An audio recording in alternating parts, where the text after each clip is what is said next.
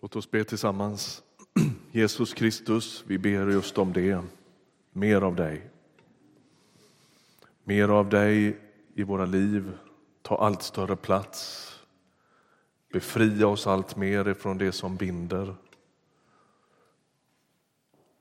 Hjälp oss med vår jakt. Hjälp oss med vårt rotlösa system. Rota oss i din kärlek.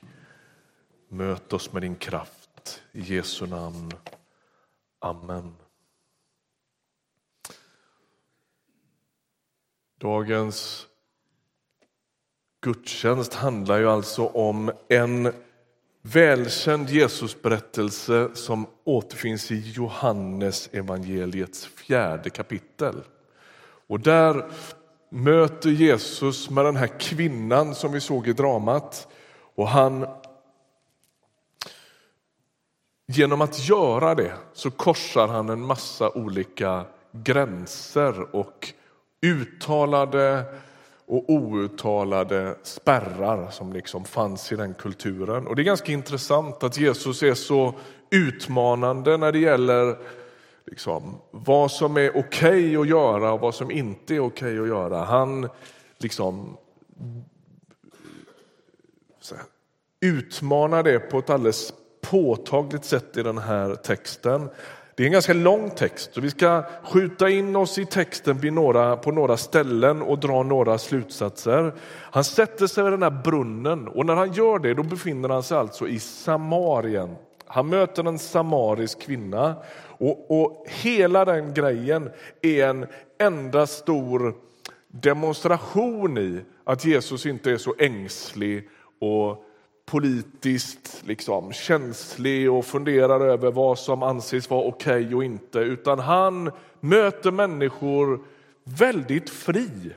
Hon har egentligen tre saker emot sig, den här kvinnan, precis som vi hörde i dramat. Hon är samariska.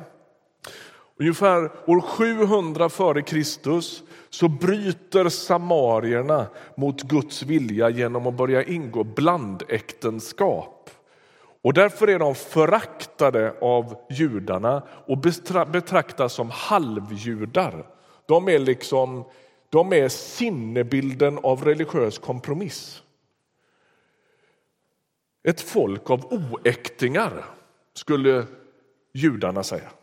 Och Det var så här att man tog till och med omvägar ofta när man skulle ta sig från ena till andra sidan av Samarien för att slippa gå igenom.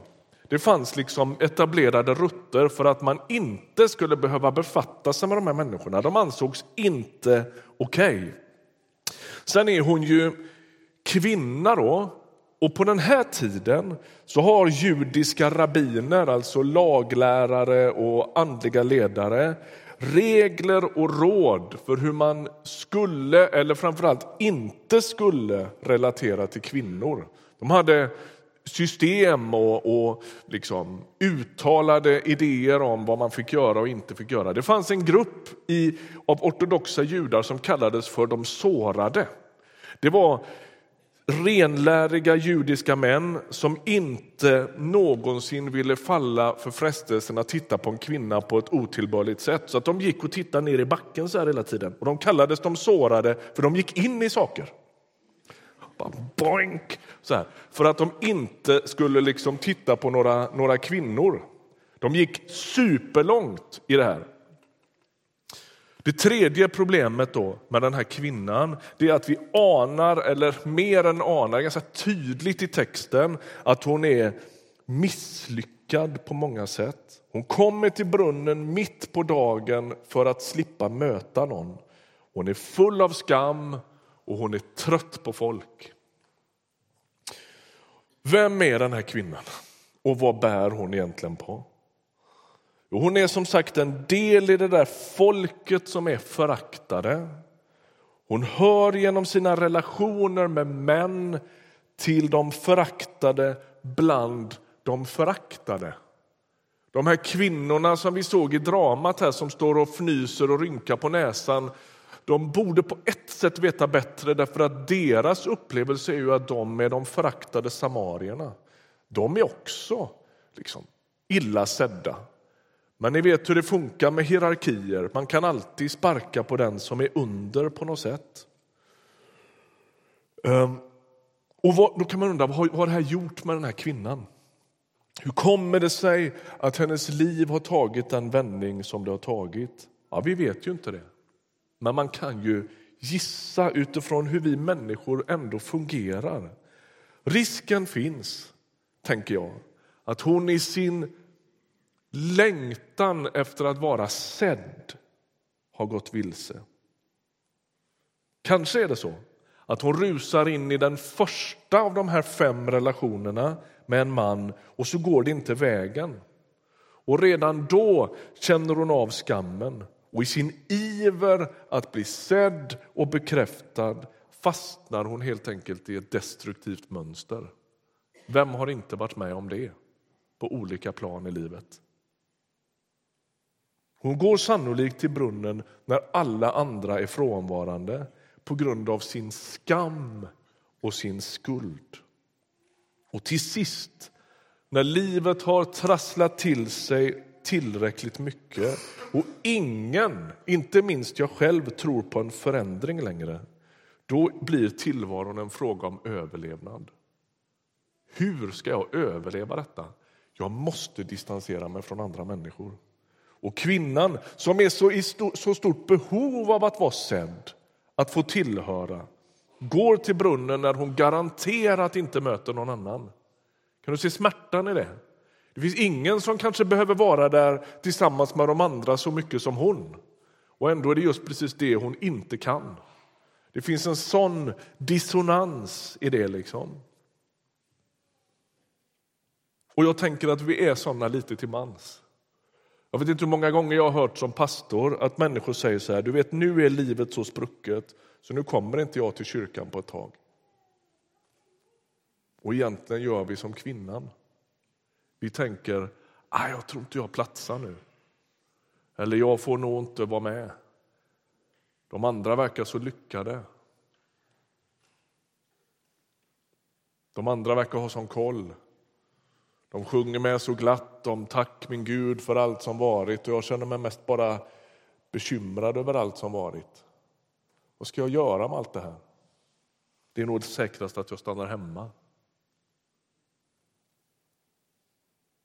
Men Jesus han möter den här kvinnan precis där hon befinner sig.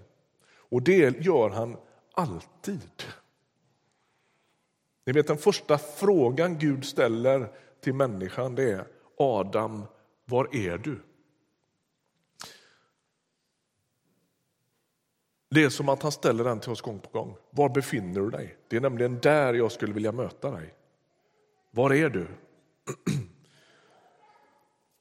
Och notera då i det här mötet att Jesus inte spelar på den där strängen som de stränga rabbinerna gör eller som kvinnans före detta män omedelbart har tänkt på.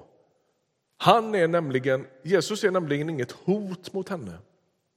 I de här metoo-tiderna så är det värt att notera att Jesus, singelman på 30 år, inte objektiverar henne eller gör henne obekväm som kvinna. Är du med? Jag, måste, jag tror att du precis som jag är skakad över det som händer nu. Jag tänker att det är bra. Det är på tiden. Men kanske ingen, åtminstone inga män har förstått att det var så här. Och att tillvaron upplevs på det här sättet. Och jag tänker, Jesus är... Om, om, om det är någon som alla vi män här inne skulle behöva ta rygg på i den här frågan så är det på Jesus. Här möter han en kvinna som egentligen inte Alltså, vi ska inte läsa in mer i texten än vad som står, men risken är ju att hon inte kan relatera till män på så många andra sätt därför att hon har aldrig varit med om något annat sätt. Och ändå spelar inte Jesus på den strängen, utan han gör henne trygg. Han sexualiserar henne inte. Han objektifierar henne inte och han gör henne inte obekväm. Hans sätt gör henne avspänd och hon talar med Jesus utan fruktan. Han förminskar henne inte, han sexualiserar henne inte. Nej, han för ett samtal med henne som är så fullt av respekt. Han ser henne och han bekräftar hennes värde som en människa. Han kommenterar inte hennes utseende.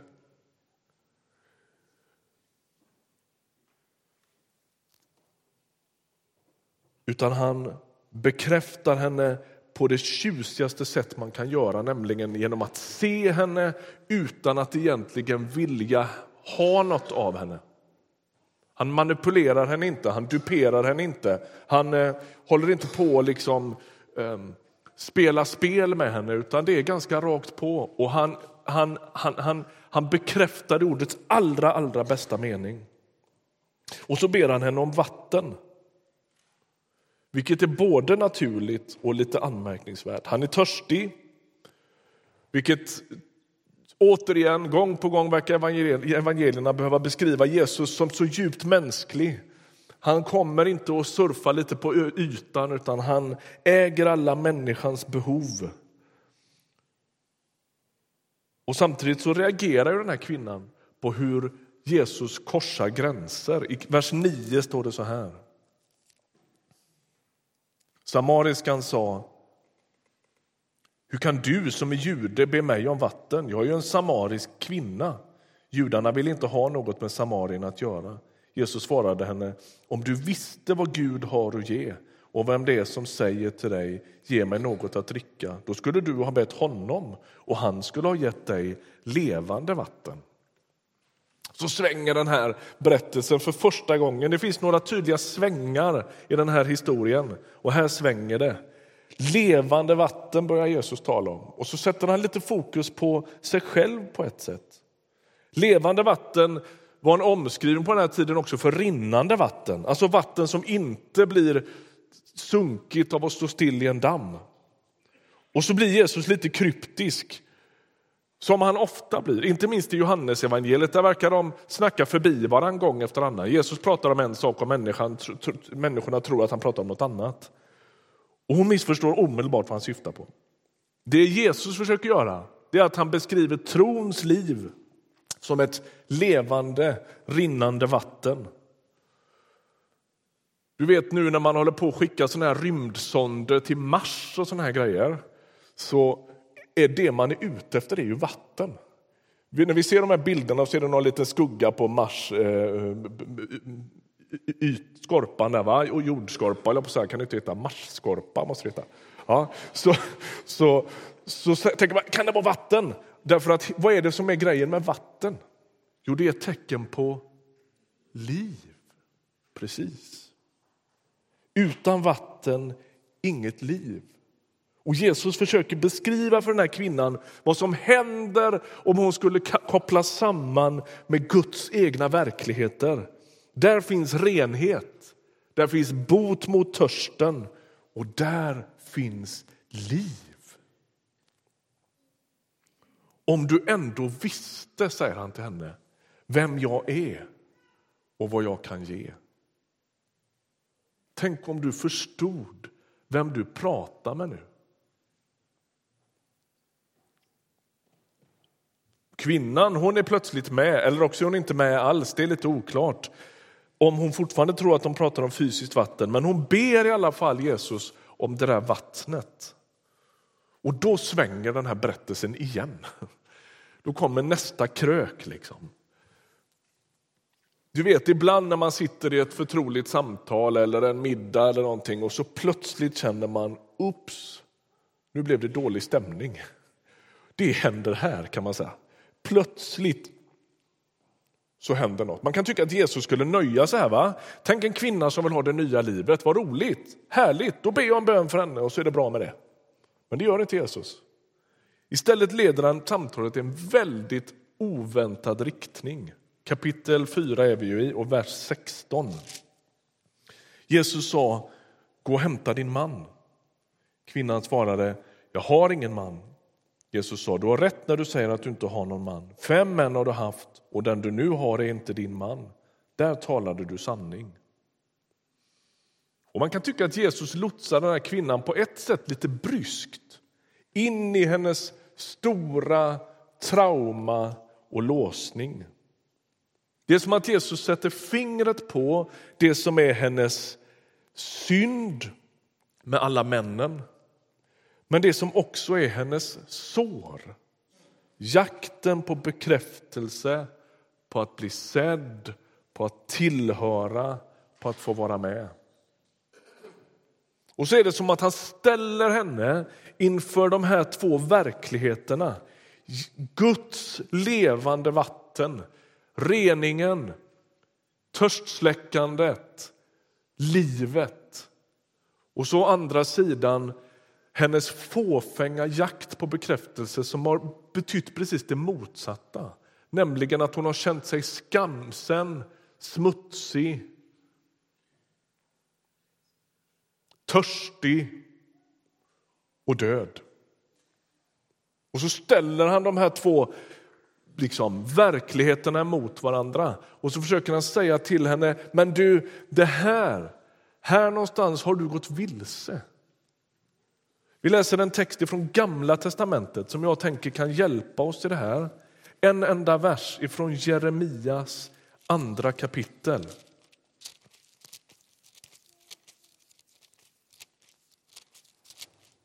En tjock bok. Här, nu hittar jag rätt.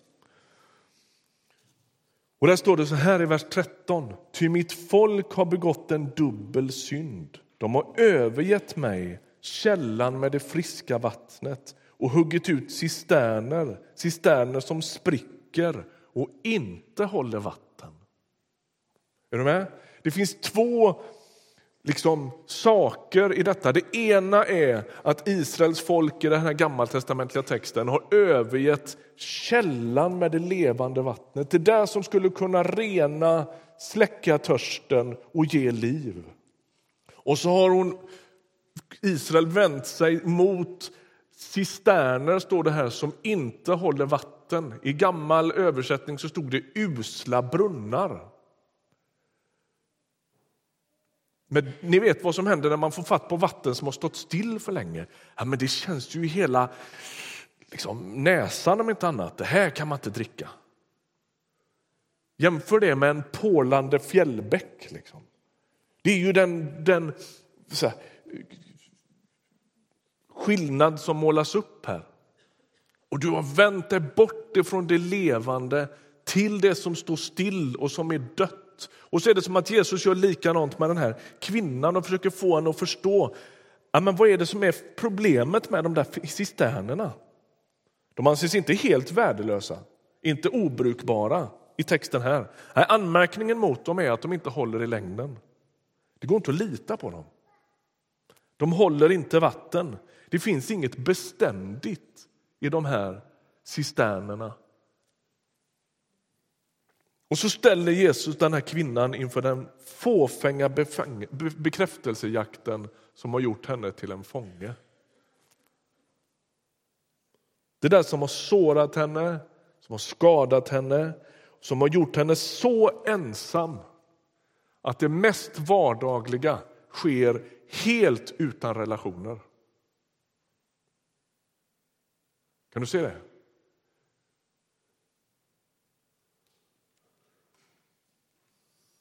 I den här längtan efter vattnet som ger liv, renhet och bot mot den djupaste törsten så ser den här kvinnan också sig själv och sina återvändsgränder.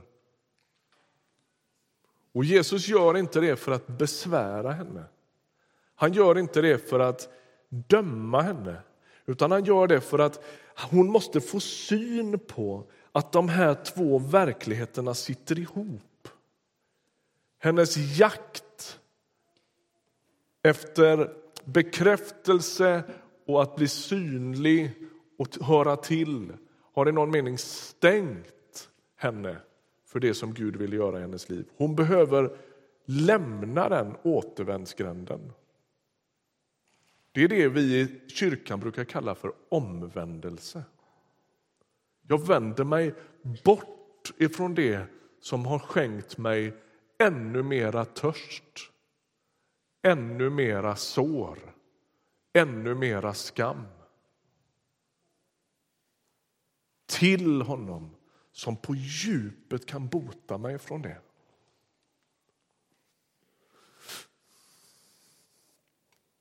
Och så ställs den här kvinnan plötsligt inför allt det där som hon har försökt att förtränga. Hur blev livet så här? Vad hände med alla mina drömmar? Det var inte så här jag ville att livet skulle bli. Och så är det som att roten till hennes smärta kommer fram i ljuset. Det är ju i, på det här området som hennes skam, ensamhet och hela livssituation liksom bottnar. Bara i förbifarten kan vi säga att den här kvinnan hon gör ju det som vi oftast gör när vi blir lite trängda. Hon börjar omedelbart prata om något annat. Och så börjar hon föra ett teoretiskt resonemang om man ska tillbe vid samariernas tempelberg eller vid judarnas tempelberg. Alltså typisk mänsklig reaktion. Nu kröp det nära så. Men i mötet med Jesus är det som att korten läggs på bordet. Att komma till honom, det är att också ge upp sina egna försvar. Och det där är ibland svårt för alla människor och kanske inte enklare i frikyrkan. Vi har en tendens att hellre stryka religiös fernissa över saker och ting. Ja, men det är bra att du väljer Jesus. Vi stryker vi honom över alltihop. Ja, men hur var det med det här som har lett mig fel, som har fullständigt låst mig i mina återvändsgränder? Vem ska hjälpa mig med det? Och Det är som om Jesus varsamt försöker få den här kvinnan att faktiskt förstå det här är ingen framkomlig väg, du måste lämna den.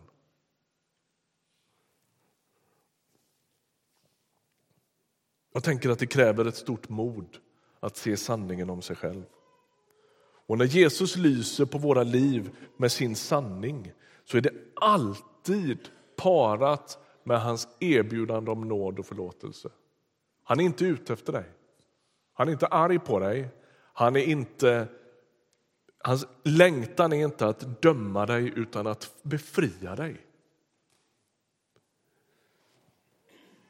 Och att få tag på det där livet porlande vattnet. Det handlar om att möta Gud. Men att möta Gud handlar också om att möta sig själv. Och att våga se vem man är och där Gud får binda om mina sår, lösa mig från det som binder och kalla mig ut i ett nytt sätt att leva. Och ibland kan jag möta människor och tänka de har inte nödvändigtvis något problem med Jesus, men de vågar inte möta sig själva.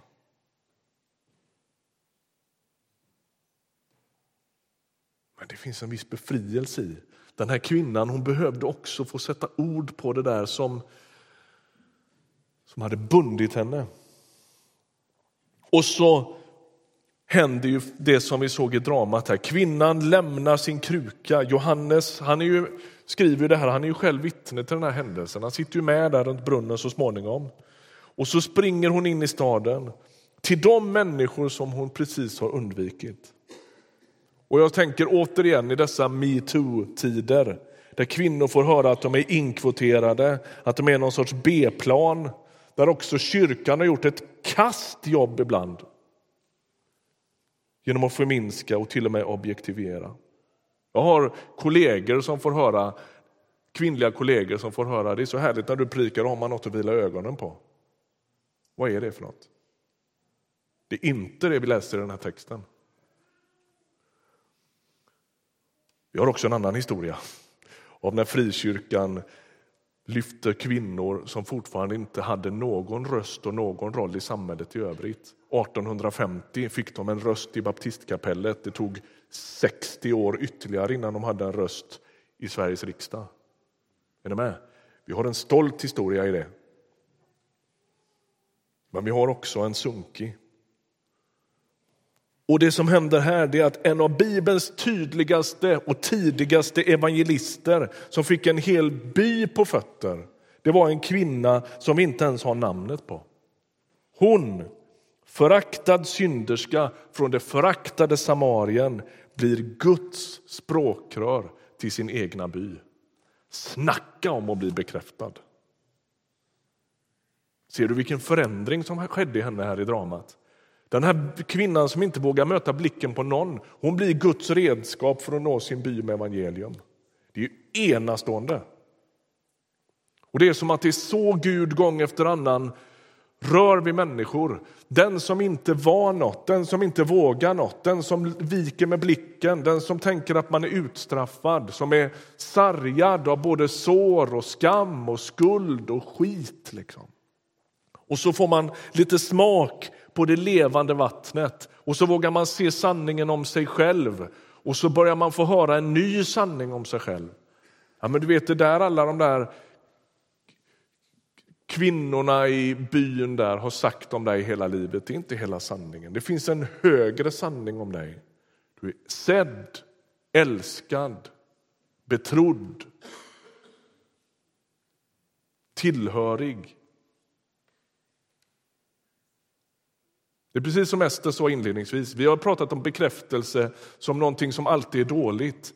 Bekräftelsejakt kan vara destruktivt, men alla människor måste bli sedda.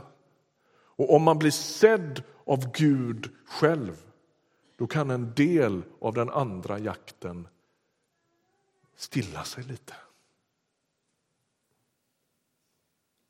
Ni som är unga nu, jag kan ju säga detta för jag är ju snart 50 år, jag är ju en gubbe. Jag fattar ju det. Jag fattar faktiskt det. Eh, jag kan inte tänka mig något svårare än att vara ung idag. Jag tror aldrig det har varit så svårt. Om man dessutom ska bekänna Jesus så har det nog sannolikt i Sverige sällan varit så svårt som det är nu. Jag önskar att ni skulle kunna se er i spegeln och se att Gud är med er, han är för er, han är inte ute efter er och han objektifierar er inte, han utnyttjar er inte, han tränger er inte. Han önskar ta er vid handen, han önskar göra er till friare människor. Smaka på det som Gud har att ge, därför att då kan man befrias ifrån så mycket annat. Och det måste man göra gång på gång. Kom ofta på gudstjänst, kom ofta på Enter, gå ofta till cellgruppen. För du behöver höra det, du får höra tusentals destruktiva meddelanden i veckan. Kom så ofta du kan och hör något annat. Låt mig sluta med att läsa det här. Vi tar nästa. Sista kapitlet i den sista boken i Bibeln så rundar det av på det här sättet. Och anden och bruden säger kom. Och den som hör det ska säga kom och den som törstar ska komma och den som vill ska fritt få dricka av livets vatten. Du vet, Det är inte bara det bästa vattnet du kan dricka, det är dessutom gratis. Det är fritt.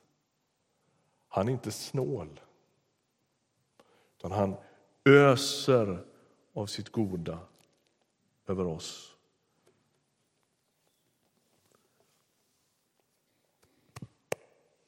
Vi behöver bekräftelse, men vi behöver söka den på rätt ställe.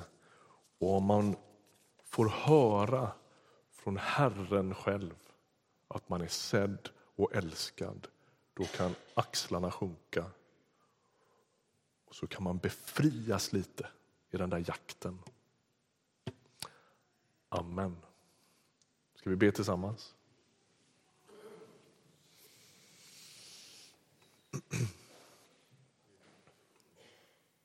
Jesus Kristus, vi tackar dig för att du gång efter annan gör som du gjorde i den här berättelsen. Du söker upp människor som andra undviker. Du söker upp människor som eh, misstänker att de är utstraffade. Du söker upp människor som inte nödvändigtvis har ett rent track record att presentera. Och tack att du kommer med befrielse och lättnad. Jag vill be nu Jesus för mina vänner som sitter i den här kyrkan. Jag ber att vi skulle få mod och tro på det du säger om oss. Vi ber att du skulle lösa oss ifrån en del destruktiv bekräftelsejakt som skapar skam, bindningar, skuld, låsningar. Låt oss rotas i din kärlek. Låt oss rotas i, ditt, i din blick. Tack att du ser på oss med värme. Befria oss i din kärlek. Tack att du hör när vi ber. Tack Jesus också att du sätter oss i rörelse. Att den som har varit utklassad kan få användas i din hand. Ber vi Jesus överraska oss med vad du kan göra genom oss. Överraska oss med vad du kan göra i oss. Och låt våra liv smaka frihet. I Jesu namn. Amen.